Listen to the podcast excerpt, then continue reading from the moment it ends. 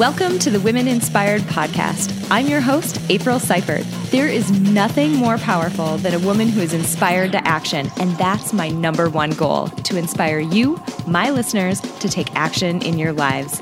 Each week, I get to interview some of the most inspiring women, and I'm bringing those interviews to you. Let's do it. Well, hey guys, welcome back to this week's episode of the Women Inspired Podcast. I'm so pumped that you joined us this week because we have an amazing guest lined up. She is a complete firecracker of a woman and she has amazing uh, things to uh, talk to us about today. So I'm excited to welcome Heather Havenwood to the podcast. Welcome, Heather. Thank you. Thanks for having me. Awesome. So I'm really excited to dive in and learn a little bit about the work that you've been doing and the awesome experiences you've had both in business and coaching other people. But before we dive into that, I'd love for you to help us get to know you a little bit and just give us a bit about your background. Absolutely. So I'm known as Chief Sexy Boss. So I'm going to be calling you Sexy Boss today because that's what I call people. Is that okay with oh, you? Oh, heck yeah. Oh, yeah. Let's bring it on. Okay, that's great. great. awesome. So that's, that's how I see everybody is a sexy boss. And what's funny about that is when I see men, they have this look on their face like, can I be a sexy boss? So I call them sexy boss studs, and they get all blushy, and it's really cute. So, um, yes, I have a book out called Sexy Boss, and then the the title of that book is basically about how female empowerment is changing the rule book for money, success, and sex across the planet. It's really the intention of that book was was really coming from a place of wanting to share my personal story. I had no idea that it would cause a controversy or I'd even be here today talking to you four years later talking about that book. I wrote it as kind of a coming out party for myself to share what I had been through as a female entrepreneur for the last 10 years. I've now been an entrepreneur since 2001. Um, my first online business that crashed was 1999, but I did start it. And then my first million on, on, online was in 2005 and then I just built a company from 2015 till now to 1.5 in 18 months, an online settlement company. So I'm a driver. I'm an online entrepreneur. I currently coach people to take their business from where they're at to a million. That's my thing. That's the hardest mountain to get over. Once you hit that million dollar mark, then you can move into other things. But I really take people from that zero to million or 500 to a million space. So that's what I do. That's who I am. So Heather Havenwood. Awesome. Oh my gosh. Okay. I want to go in about eight different directions, but something that you said about something that you said about your book completely sparked my interest immediately mm. because what is that quote? Like the something about well behaved women never made history, oh, yeah. or yeah, exactly. So you mentioned that your book caused some controversy. Tell me, first of all, tell me a little bit more about your book and then what was it that was so controversial or what happened?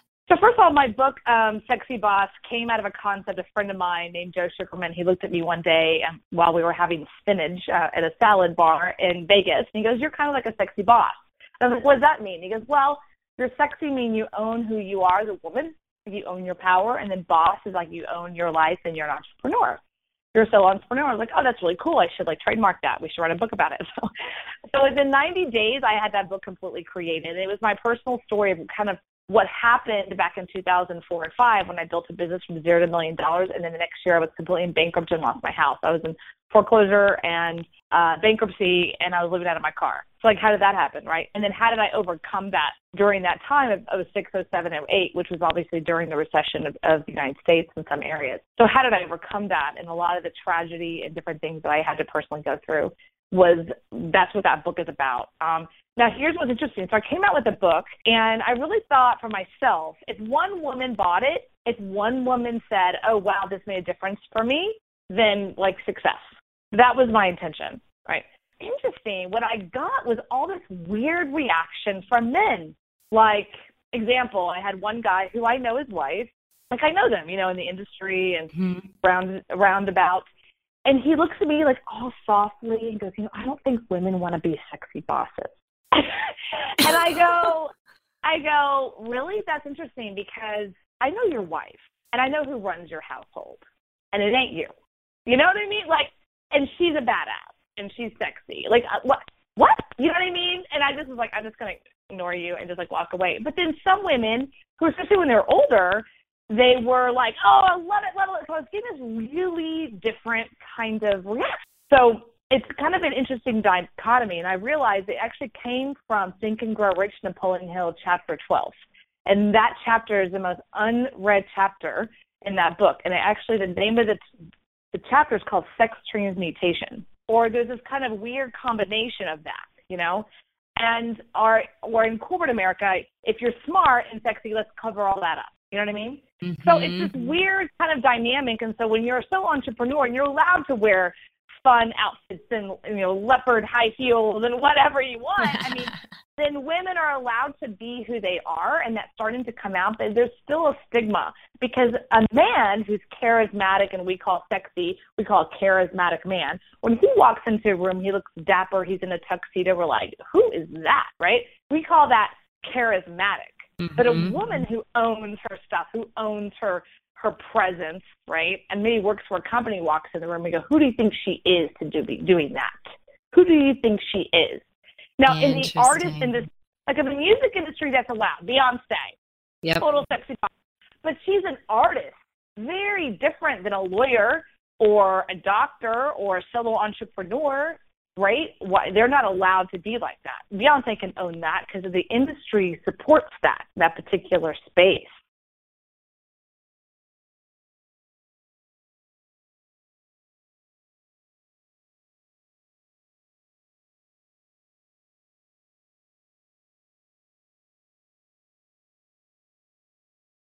And that's what this whole book is basically about is allowing women to tap into their what called sexual uh, energy to energy okay? Allow that to be present because when there's sexual energy there's creativity it's connected and allow them to be that and then they owning who they are in their life and that is the power of it. I mean beyonce's extremely creative right?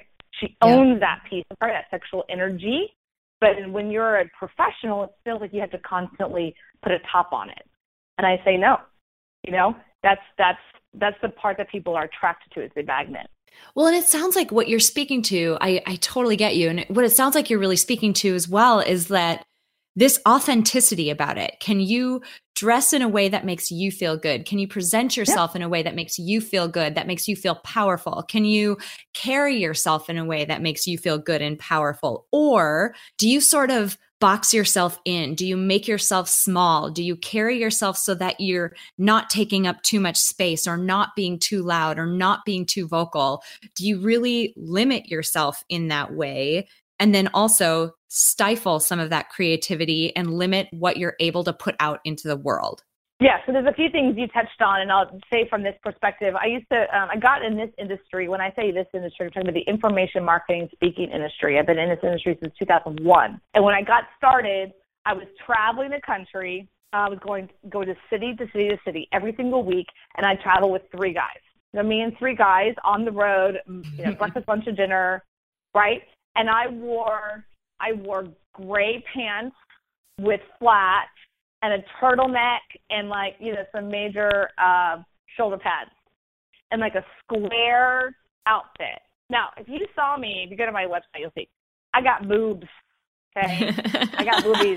I got big boobs, and I got. I mean, I do. I got big boobs. My grandma. Thank you, grandma. But like, I got boobs, right? And I have a. I have a figure, and I just constantly trying to cover it up, constantly, because I wanted to be known as smart. And I was technically pretty, you know, right? And I was trying to cover it up. My hair was browner, and I didn't wear a lot of makeup, and I didn't wear jewelry. I was constantly trying to cover that because I wanted to be known as smart. I wanted to be known as independent or whatever, part of the team or one of the guys, all this crap. And what I realized later on was I was, the more I did that, thinking I was just kind of covering all that up so that people didn't see it, right? And so that I could be known as smart. All I was doing was covering up my own energy and just like pushing it and pushing it and pushing it down. And it wasn't until I went to an event, this guy named Joel, who he lives out in California, he called me out in the middle of some 200 people. and he was like, you need to wear a skirt. I mean, I was so, excuse me, who do you think you are to tell me I need to wear a skirt, right? right. So I was like, ah, right. So of course I did this, sh- I was like, I'm going to show him. The next day I showed him in this like nice skirt, right? Nice skirt, like to the knees or whatever in black heels and this nice top. And he's like, you, and he and he shows me out again in the middle of the whole seminar. And I'm I'm thinking he's gonna say something like really sexist. I'm gonna get him in trouble. Instead, he was like, you look more powerful than I've ever seen you. Own it. And I was like, what? And he was like, being your feminine self right there, you are beautiful. You're more powerful than you've ever been. Before you're stifling it, you're constantly stifling. And it wasn't until I really got that when I'm trying to stifle my feminine piece of me, I'm literally stifling and pushing down everything of who I am. And women do it all the time. We try to cover up our boobs or try to cover my butt or whatever. You have to cover up versus allowing this. It's not even flaunt it either, you know, but just allowing yourself to be a woman. Mm-hmm. It's just mm-hmm. kind of interesting. So that's what happened. And so I really realized that I am a woman and I do have legs and I like to wear heels and you know I got these things called boobs. You know what I mean? Like so, it's really owning that and being okay with it. And whatever people's responses are, that's their responses. Something else you touched on that was so interesting was you were dressing in that way initially because you wanted people to think that you were smart. And so the flip side of that is if I dress a different way, there, regardless of whether I am smart or not, they're going to assume that I'm dumb. And the other thing that I've seen as well, yeah. and you know, there's a number of women um, who I'm connected to online and have, you know, just uh, a variety of different, you know, business and other relationships with, just as we're kind of building up our own followings and our own message and content and that type of thing. Objectively, gorgeous women. And what a lot of them have talked about facing sometimes is this exactly what you're saying this idea that other people might assume that they're not as intelligent and also that other people might assume that there's some type of competition there that isn't actually there. And so, in my experience with these women, who again, objectively gorgeous, gorgeous women, they're some of the most supportive people that I've, you know, met when I've been on this journey of building this podcast. There are people who are sending me you know here's some recommendations for people that you might reach out to and i'm happy to make an introduction at any point. You let me know. And just some of the most wonderful people. And the broader message that i see there is what types of assumptions are we making about people simply by looking at the way that they're dressed or the way that they might be carrying themselves? You know, if that is authentically who they are, I think we should probably get to know them instead of making an assumption about what their clothes are. Yeah, absolutely. Well, I mean, I think that it also comes down to we can't change society, right? So they are they are going to do that no matter what. Um, I think for myself, I mean, I'll, I'll start with, start out with how I started this business. Before that was actually I was in corporate America. You talked a lot about your people on your show and listening. You know, they probably in corporate America, or maybe they want to make that transition, maybe they haven't. But I'll, I'll start with kind of how it happened for me. Do you mind if I share that story? Yeah, no, that would be wonderful. Okay. So what happened is I was in corporate America. I worked for a company called Southwestern Bell, you know, SBC Global, quite big. And I worked in um, in B2B sales. And so just to give you an idea, when I first went to the on the interview, I was 24. I hadn't finished college yet. I was actually kind of get kicked out of college because I um, didn't have any money, so I had to figure out a way to go to night school. And so I was going to this big company, and uh, the guy guy was the interviewer and said, I said, I, I'm here to interview for the B2B outside sales position. And he laughed at me. What? And he's like, oh, that's so funny, so cute. That's so adorable. He's like, no, you mean customer service? I'm like, no, I'm here for the outside sales position. So we need to know in that in that world, it was customer service, obviously, what they are, and then they had inside sales, and then they had B2B outside sales, and that was like the big job. People in the back, and the average person was 40, and uh, they had married with kids, you know. And so here I am, 24, walking in there and, and for SBC Global, my first job too. Before that, I was just a waitress. I was like, no, I want to be in outside sales. And he, he starts laughing at me again. And I'm like, no, I'm serious. So he kind of took it laughingly and he had to say, well, my manager, I got to check with my manager. Now, what his manager was, the regional manager of that area, was this woman. She was a, a lesbian woman, uh, Cindy. I'll never forget her. She was awesome. So I walk in there and tell the same thing. I'm like, look, I know I'm 24. The average age is male, and a man in, in 40, and I get that, but I want this job. And she looked at me, and she looked at that guy, Mike, never forget Mike either, and she said, give it to her, give her three months. We'll see what she does. The worst case, we, we you know, put her in customer service. All right, so Mike had a bet against me. Now, wow. he gave me no he gave me no help. He was my manager, he was my direct manager. I was the only female in the office that wasn't a customer service rep. There were women there, but they were all customer service. And so here I am. They gave me uh, they gave me a phone book and they gave me some business cards and said, go. And here's your quota. If you don't make it, you're fired. And I'm like, okay, got it. I was there for four years which is a long time. Actually, was there longer than Mike. Mike was gone. They got it. So here's what happened though. I was still the only woman in that outside sales. I actually ended up getting promoted and I became number one in the country out of not just that office, not out of just Texas, out not out of the region, but out of the entire United States of America over LA, New York, Chicago. I was number one in the country. That's awesome. Now what you know is the moment I got the award, I got fired. What? I didn't understand. I got fired. And they gave all my accounts to my assistant who was a man and who was 15 years older than me. So this is my first experience of they said to me, you didn't deserve it because I was a woman. now, I didn't have the kahunas at the time to, you know, file some lawsuit. I just kind of put my tail between my legs and kind of cried for a couple months. But here's what I got is that um, one, I didn't know how to do the political game. Like I wasn't really working the political game internally, you know, and I wasn't hanging out with the guys and going to have drinks at night. Like I didn't do that. So that was one thing. Um, I didn't understand how to play that because I was young. but the other thing is that I don't know about you, but I, if, you, if you ever had to make decisions in life, you weren't sure what the decision was. You just knew you didn't want that. Kind of like yep. a guy. Like you're not sure what kind of guy you want. It's not that one. Yep. right. Okay. So it was one of those moments for me. I was like, I don't know what I want, I just don't want that. Because everyone in my life was like, well, just go get, get a sales job. And I'm like, uh-uh, I'm not building someone else's company again. Nope, I'm not doing it again.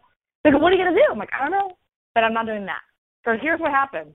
Here's what happened. So I'm sitting there on my couch with my girlfriend who works for a big company and she's got married and her husband's like clicking the channel back and forth on something on a Sunday. And she he stops to go get a beer and it stops on this infomercial. And the infomercial says, do you want to own your life? Do you want to make more money? I'm like, yes.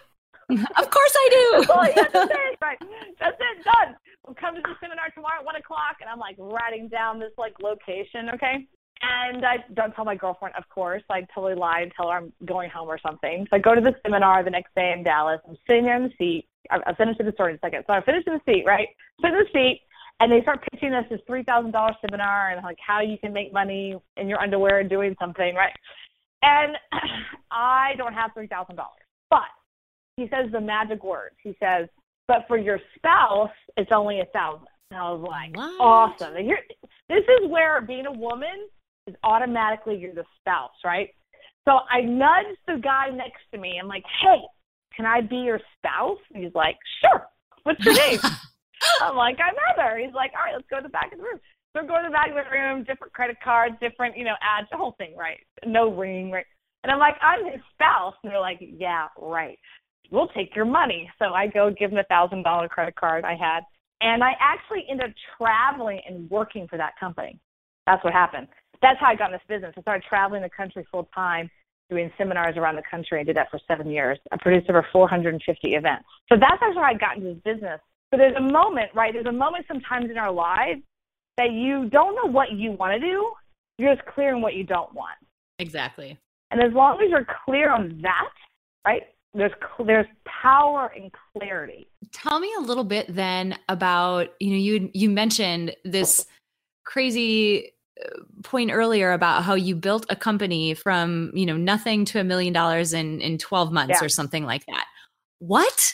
Like how i, I mean th- so this is just amazing to me because you have you hear people who have these sort of meteoric careers and i feel like you've got like this multiple meteoric career. Like your meteor takes off and you you know build it build it build it and you're like blasting into outer space and then sort of somebody tears you down and then off you yeah. go again and it's meteoric again so I this is just really interesting that you've had a number of different rises like this and I'm really curious about you know this company that you built so quickly to be so successful well, I've built two like that. So a couple things is that you know, seeing how I do that, I I kind of a meteor, like a like you said, a meteor, like a rocket, and then I crash. And I don't say crash like a bit of bad way, but I I look over my period of my life and I kind of feel like that's what it's been. It's been like this rocket crash, rocket crash. Here's what I finally understood about it is that there's this website I highly suggest you go to. I don't own it. I'm just giving you a resource. It's called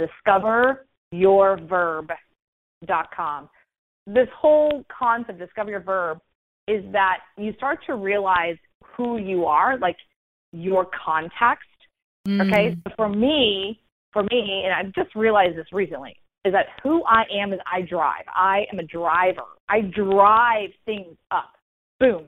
Right? I'm a driver. Some people like really they're uh, igniters. Some people are um, lovers, nurture, nurture, right? I'm a driver. I drive things. That's why I did very well in the sales. And then my first uh, million online was 2005, zero to million dollars in 12 months. I had a bad business partner, so he took it. So I built it and then he took it. So okay. And then um, 2015, me and my fiance at the time, uh, we built a business from zero to 1.5 million, 18 months, and now currently I'm in business divorce and giving it to him. So, you know, but I'm a, and now I'm now I'm looking at what my next driver and my clients, all my clients experience with me is they experience is like massive growth with me because I drive them. Sometimes they love hate me, but I'm a driver behind the scenes. I'm just this huge driver. So my verb is drive, and so I think that my experience of driving things up is a huge positive. I'm not um I'm not a good maintainer. I'm learning to be. I'm learning to surround myself with people who are just like really consistent. They like that nice consistent flow. I do like to drive things up. That's a very a deep personality. That's a sales personality, but it's also a performer personality. So if you look at performers like Britney Spears or any, any performer, Beyonce, doesn't matter. They're they're drivers. They'll create, create, create, and then they'll perform, and then they go inward, and then like you can't get a hold of them, right? They go they go in and they go out, and that's a very common um, that's common for creatives, very common for creatives. Mm. I think it's very abnormal to have this job thing called a job nine to five every single day, eight, five days a week. That's we're non non creatives. Creatives are usually up and then down, not energetic energetically, not you know depression, but they just they're they bursts of energy. So it's normal. So what happens? Is I get a lot of speakers and authors and coaches to work with me, and they'll say to me like something must be wrong with me because I have these spurts. I'm like, no, you're normal. You're creative. All speakers, authors, and coaches, they're artists. Truly, they're artists. Their art sometimes is their words, right? It's not necessarily a painting, but they're artists. Now, the challenge that most artists have, I know all artists have this challenge, if it's a painting, pottery, or it's their own book, they have a hard time selling themselves, selling their coaching, selling their books, selling their course because it's their art. Talk to any artist. Try to try to get them to sell their own painting ah, they can't do it. It's hard for them because it's their art. It's like their creative piece. So if you can understand that about yourself, if you're a coach, author, or speaker, you can start to be a little more compassionate with yourself and understand that sales is a process and just follow the process and not make it so personal. So that specifically is kind of like how I've built these companies is taking artists because both of the companies I built around an artist, you know, someone who's the creative, and then I drive the sales around them. There's a formula to that. So I teach that formula. That's what I do now with my clients. Super interesting. So let's say I've got somebody in the audience who's listening to this right now and they are a budding entrepreneur, whether they've completely made the leap away from a 9 to 5 job and they're, you know, 100% in in the deep end of the pool and just trying to stay above water. Uh, maybe they've had some success and you know they're they're looking to grow or maybe this is a side hustle and this you know whatever this project is that they're working on or this business is that they're working on they don't have 100% of their time to devote to it if somebody had to get up tomorrow morning and do something what's the biggest piece of advice you could give to somebody to help grow their business something they could do tomorrow okay get a pen ready ready okay so i got to give you the context of this advice because advice is only as good as you believe it to be you know? And so this advice was given to me when I was living in Marco Island. Now, what you need to know about that that time in my life, it was two years after the bankruptcy and uh, bankruptcy and foreclosure, and I was broke. I had no credit card. I had nothing. I had my car, and luckily, I and I didn't have any insurance on it. So luckily, nothing happened. So I uh, went to go see visit a friend in West Palm. My friend's name is Richard, and he said to come visit him and that he would pay for dinner. He said to me during a beautiful steak dinner, which I was extremely grateful for, He said to me, I want you to start asking yourself this question before you do anything. And I looked at him and said, Richard, first of all, I got nothing going on. He goes, I know. This is where you start. He looked at me and said, Look, you can't make decisions right now because you're coming from a place of scarcity and you're coming from a place of confusion. And people, human beings, should not make decisions from that place. I was like, Exactly.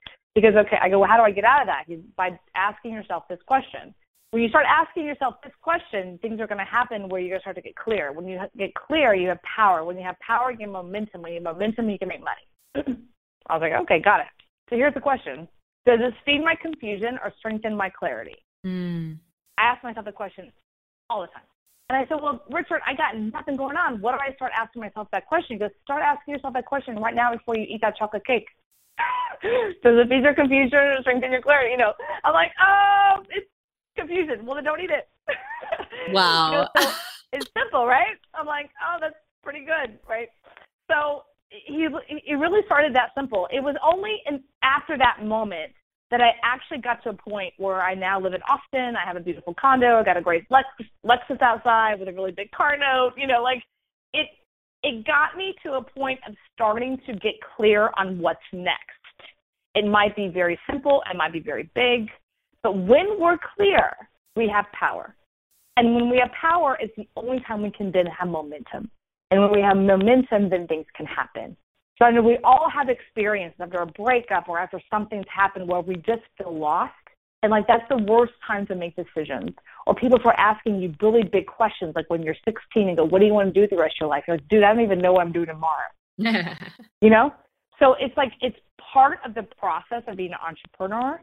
People start asking when you go to these big seminars, "So with the end in mind," and "Oh, how much money do you want to make?" And you're like, "I want to make a million. It's like awesome. And then you go back to your go to your house on Monday morning, you're like, I don't even know what to do today. Like that is not the best place, thing, the best thing to do. Make a million dollars. What are you going to do today? What's going to cause clarity today in your life, just generally speaking, or what's going to cause confusion? So me being mm-hmm. on the show, to be on the show today, does it cause confusion or cause clarity for me? Causes clarity. If it causes clarity for me, my goal is to have clarity for you and everyone listening. My goal is not to add confusion to anyone listening. Right? It's never my intention. If I add confusion, that I'm doing a bad job. That's awesome. Okay, so something that you've mentioned a few times, and again, we talked about this sort of multiple rocket ship meteoric rise. What has failure meant to you? Right. And I don't know if failure is the right word, but like, what have those low points meant to you? Uh, I don't know if you're so. Uh, I, they're shitty. they're horrible. I've hated them. I mean, I don't know. have they um, have they driven you in any way? Or using your question below or like your your previous question and and what sparked me to think about that is did you gain any clarity from them? Oh okay. I, I see where you're going with this. Um here's what i would say to that. I'm going to switch it. I, I i can't answer that in a yes or no. What i can tell you hitting the wall happened in all of those times because it wasn't my divine design. So like I'm going along and like it looks great. And then I hit this wall and I think it's this massive failure and from the outside world like, oh this massive failure. If I look back over time, it I wasn't on my path of where I was really supposed to be. Like it wasn't supposed to be long term. It was supposed to be temporary. And sometimes, for I guess the universe just puts a hard hit on me. Hello, it just makes me. I guess it's the universe is just like has to smack me across the head for me to get it.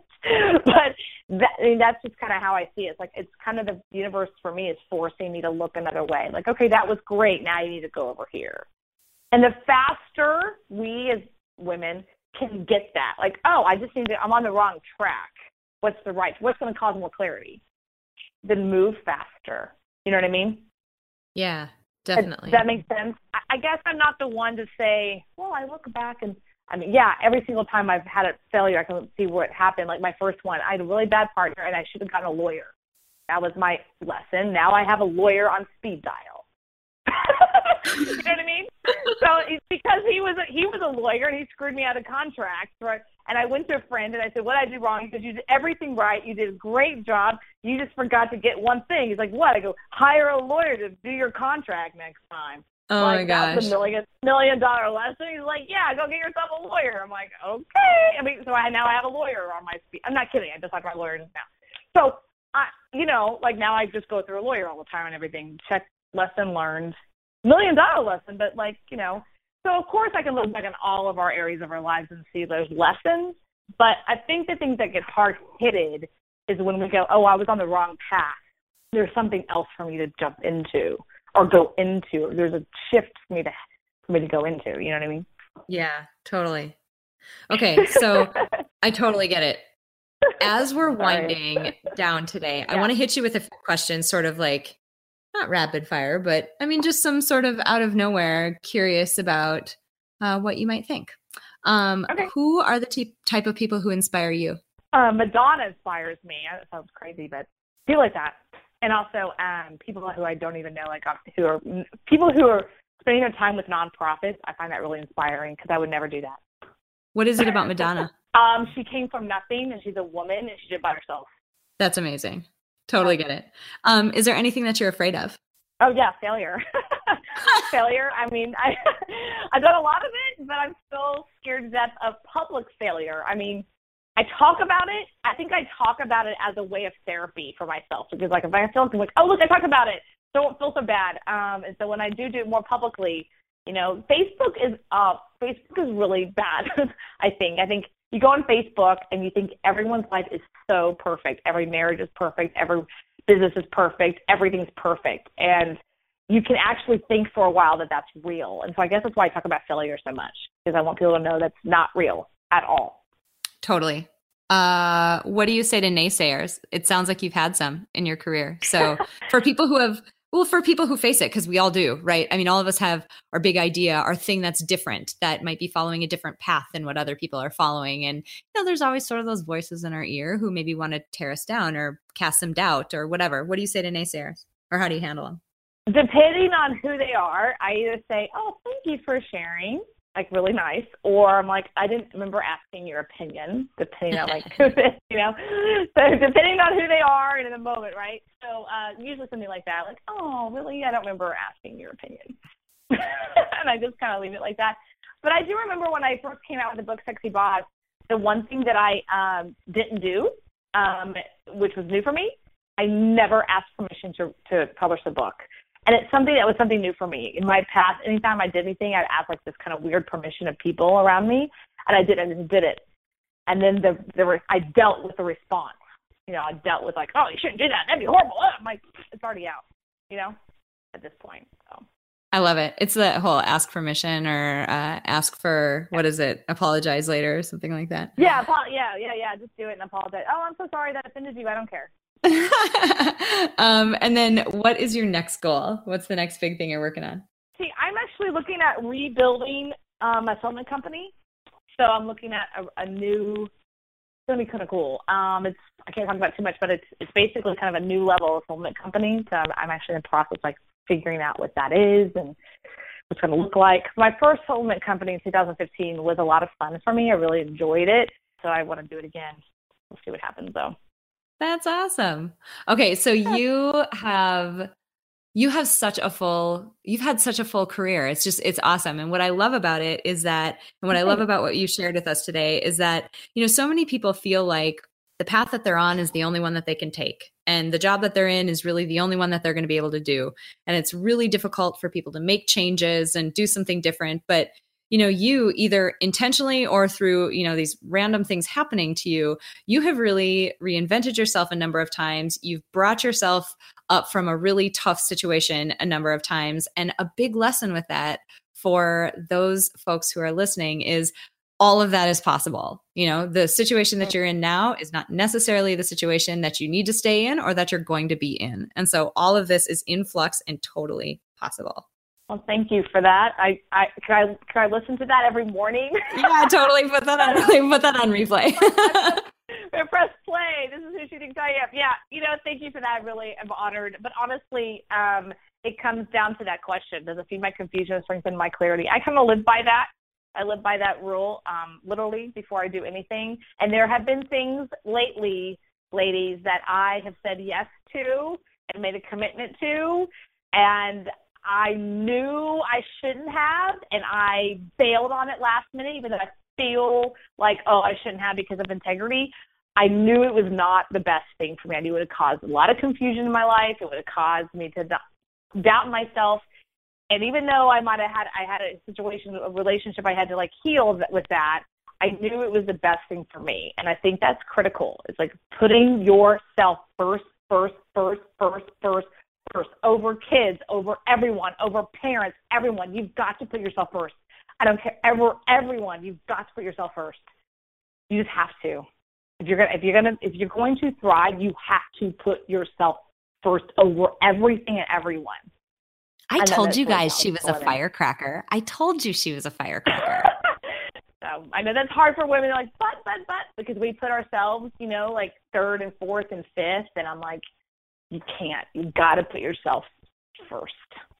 All right. So when people are excited to learn more about you, where uh, where can we find you online? Yeah, so I'd love to give you my chat bot. So that's going to be fun. You're going to interact with my chat bot. This is how you do it. So you go to this URL. Here it is. It's ask, A-S-K, Heather, A-N-N dot com. So it's ask Heather Ann, no E, dot com. And you'll interact with my chat bot. It's a ton of fun. I'll give you free gifts. But if you're interested in just, you know, hey, I want to talk to this firecracker. Maybe she can help me in her in your business. I'd love to have a, just a conversation with you. I'm pretty real. I'm pretty authentic. I'm pretty straight. So warning. Um, you can go to heatherhavenwood.com in the upper right hand corner. It says work with Heather. Just get on my schedule and we can have a conversation. That's awesome. And I'll put both of those links um, on your show notes page so that it's really easy for everybody to find you. Um, Yeah. Before I let you go today, I have to ask you the question that I la- ask every single person that I have on the podcast. Um, we Okay. are compiling a Spotify Power playlist, and it's a playlist of awesome motivational songs that help people sort of, you know, keep their energy up during the week when they really, you know, need a little bit of a boost. And I have to ask you for your favorite motivational Oh. song to add to our playlist. Okay, hold on, hold on, hold on, hold on. I got to look at my playlist. Oh my gosh, hold on a second. There's this one I'm listening to right now that's like, so I work, I do bodybuilding, and it's like my power song. Okay, hold on. No way. I'm Yeah, a I'm a former power lifter. Oh, okay, got it. Yeah, I do bodybuilding shows. That's awesome. things I do. Okay, great, okay, ready? So Yes. Pink is on Pink. It's a new song actually. So like I heard it, I started like crying. It was really weird. So uh it's called What About Us. Ah, nice. I love it. Listen to the words. It's so oh yeah. What about is wait, great. Yeah, What About Us by Pink. Let me know the name of that because I would love to listen to that Spotify when I'm working now. Oh yeah, I'll absolutely. I'll send you the link to it. Um, and if anybody else wants to get the link to it, you can sign up uh, to receive updates at aprilseifert.com, and I will send you the link to our Spotify playlist. Um, this has been amazing. It's been amazing getting to know you, to hear a little bit about the work that you're doing, your crazy background. Oh my God, you've done so much in your career. It's been awesome. Um, Thank you so much for being so open and authentic to share everything with us. Your uh, advice, the things that you've learned from the ups and downs has been wonderful. Thank you so much for being here. My honor. I'm great grateful. My honor. Oh my God. I hope you guys loved meeting Heather Havenwood as much as I did. And I hope you learned a ton from her journey. Holy cow, has she done a lot in her career. And one of the things that I absolutely adore about her is that she is completely authentic. She shows up 100% herself, which is so refreshing. And that's what I want to highlight the most about this episode. Now, she brought up a really interesting dichotomy that so many of us face. We feel like we have to be so careful about our appearance so that we can be viewed as smart or so that people will take us seriously. We agonize over how we dress and how our hair looks and how our makeup is and how we present ourselves, how we're sitting in meetings. We focus so much time and energy worrying about what we look like. I mean, think about that. How much time and energy is that? And also, how much more could you accomplish if somehow you could reclaim all of that time and energy that you spend worrying about what you look like so that other people will view you as smart and take you seriously? And then even more so, let's push even beyond that. How great would it feel if you could just show up and be completely yourself? Just be your authentic self and know that that's going to be good enough. Like you yourself are good enough. And let's flip it around and let's talk about the other side of that coin as well. Because this isn't even completely about what other people think about us and what other people are doing to us, but let's think about our own behavior too. Are there ways that our own behavior pressures other people around us to present themselves in a certain way? Do we subtly or sometimes overtly even do things to other people that help maintain these arbitrary rules about what people have to wear and how they have to act? And do we really force people into that tiny box to make them act in a way that we think they should be acting in order to just sort of fit this set of rules? Holy cow. So this week, I want to ask you to do a couple of things. Number one, work toward accepting yourself just as you are. Now I might date myself here a little bit. I might just kind of like a little, let a little bit fly about how old I am, but I'm going to go there anyway. If you've ever seen the movie Bridget Jones's Diary, you might remember the scene where Mark Darcy tells Bridget that he loves her just as she is. And I think we can all learn a lot from Mark Darcy and love ourselves just as we are. And number two, the other thing I want you to do this week is work toward accepting other people just as they are. When you give yourself permission to show up authentically, amazing things happen. And amazing things happen when you give other people permission to show up just as they are as well. Again, think about how much more we're going to get done. Think about how much more comfortable of a situation it would be if we could just reclaim all that time and energy that we spent agonizing about everything about our appearance and making sure that we're following this crazy arbitrary set of rules. Before we close out today, I want to say thank you to my producer, Cameron Hill. If you enjoyed this episode, please share it with someone else who might benefit from this content. And if you have a moment, click the link in the episode description to leave me a rating and a review on iTunes. It would mean so much to me.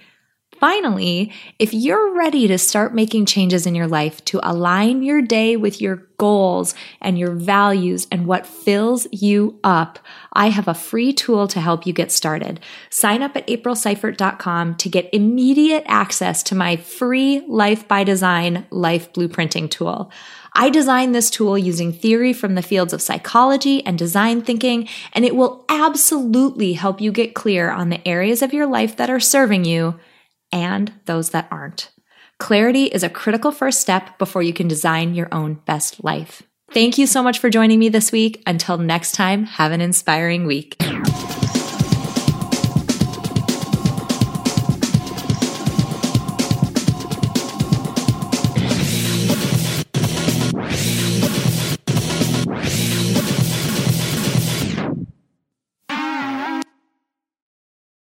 At Parker, our purpose is simple. We want to make the world a better place by working more efficiently, by using more sustainable practices, by developing better technologies. We keep moving forward. With each new idea, innovation, and partnership, we're one step closer to fulfilling our purpose every single day. To find out more, visit parker.com/purpose. Parker, engineering your success. As humans, we're naturally driven by the search for better. But when it comes to hiring, the best way to search for a candidate isn't to search at all. Don't search, match with Indeed. When I was looking to hire someone, it was so slow and overwhelming. I wish I had used Indeed. If you need to hire, you need Indeed. Indeed is your matching and hiring platform with over 350 million global monthly visitors, according to Indeed data, and a matching engine that helps you find quality candidates fast. Ditch the busy work. Use Indeed for scheduling, screening, and messaging so you can connect with candidates faster. And Indeed doesn't just help you hire faster. 93% of employers agree Indeed delivers the highest quality matches compared to other job sites, according to a recent Indeed survey. And listeners of this show will get a $75 sponsored job credit to get your jobs more visibility at Indeed.com slash podcast. That's Indeed.com slash podcast. Terms and conditions apply.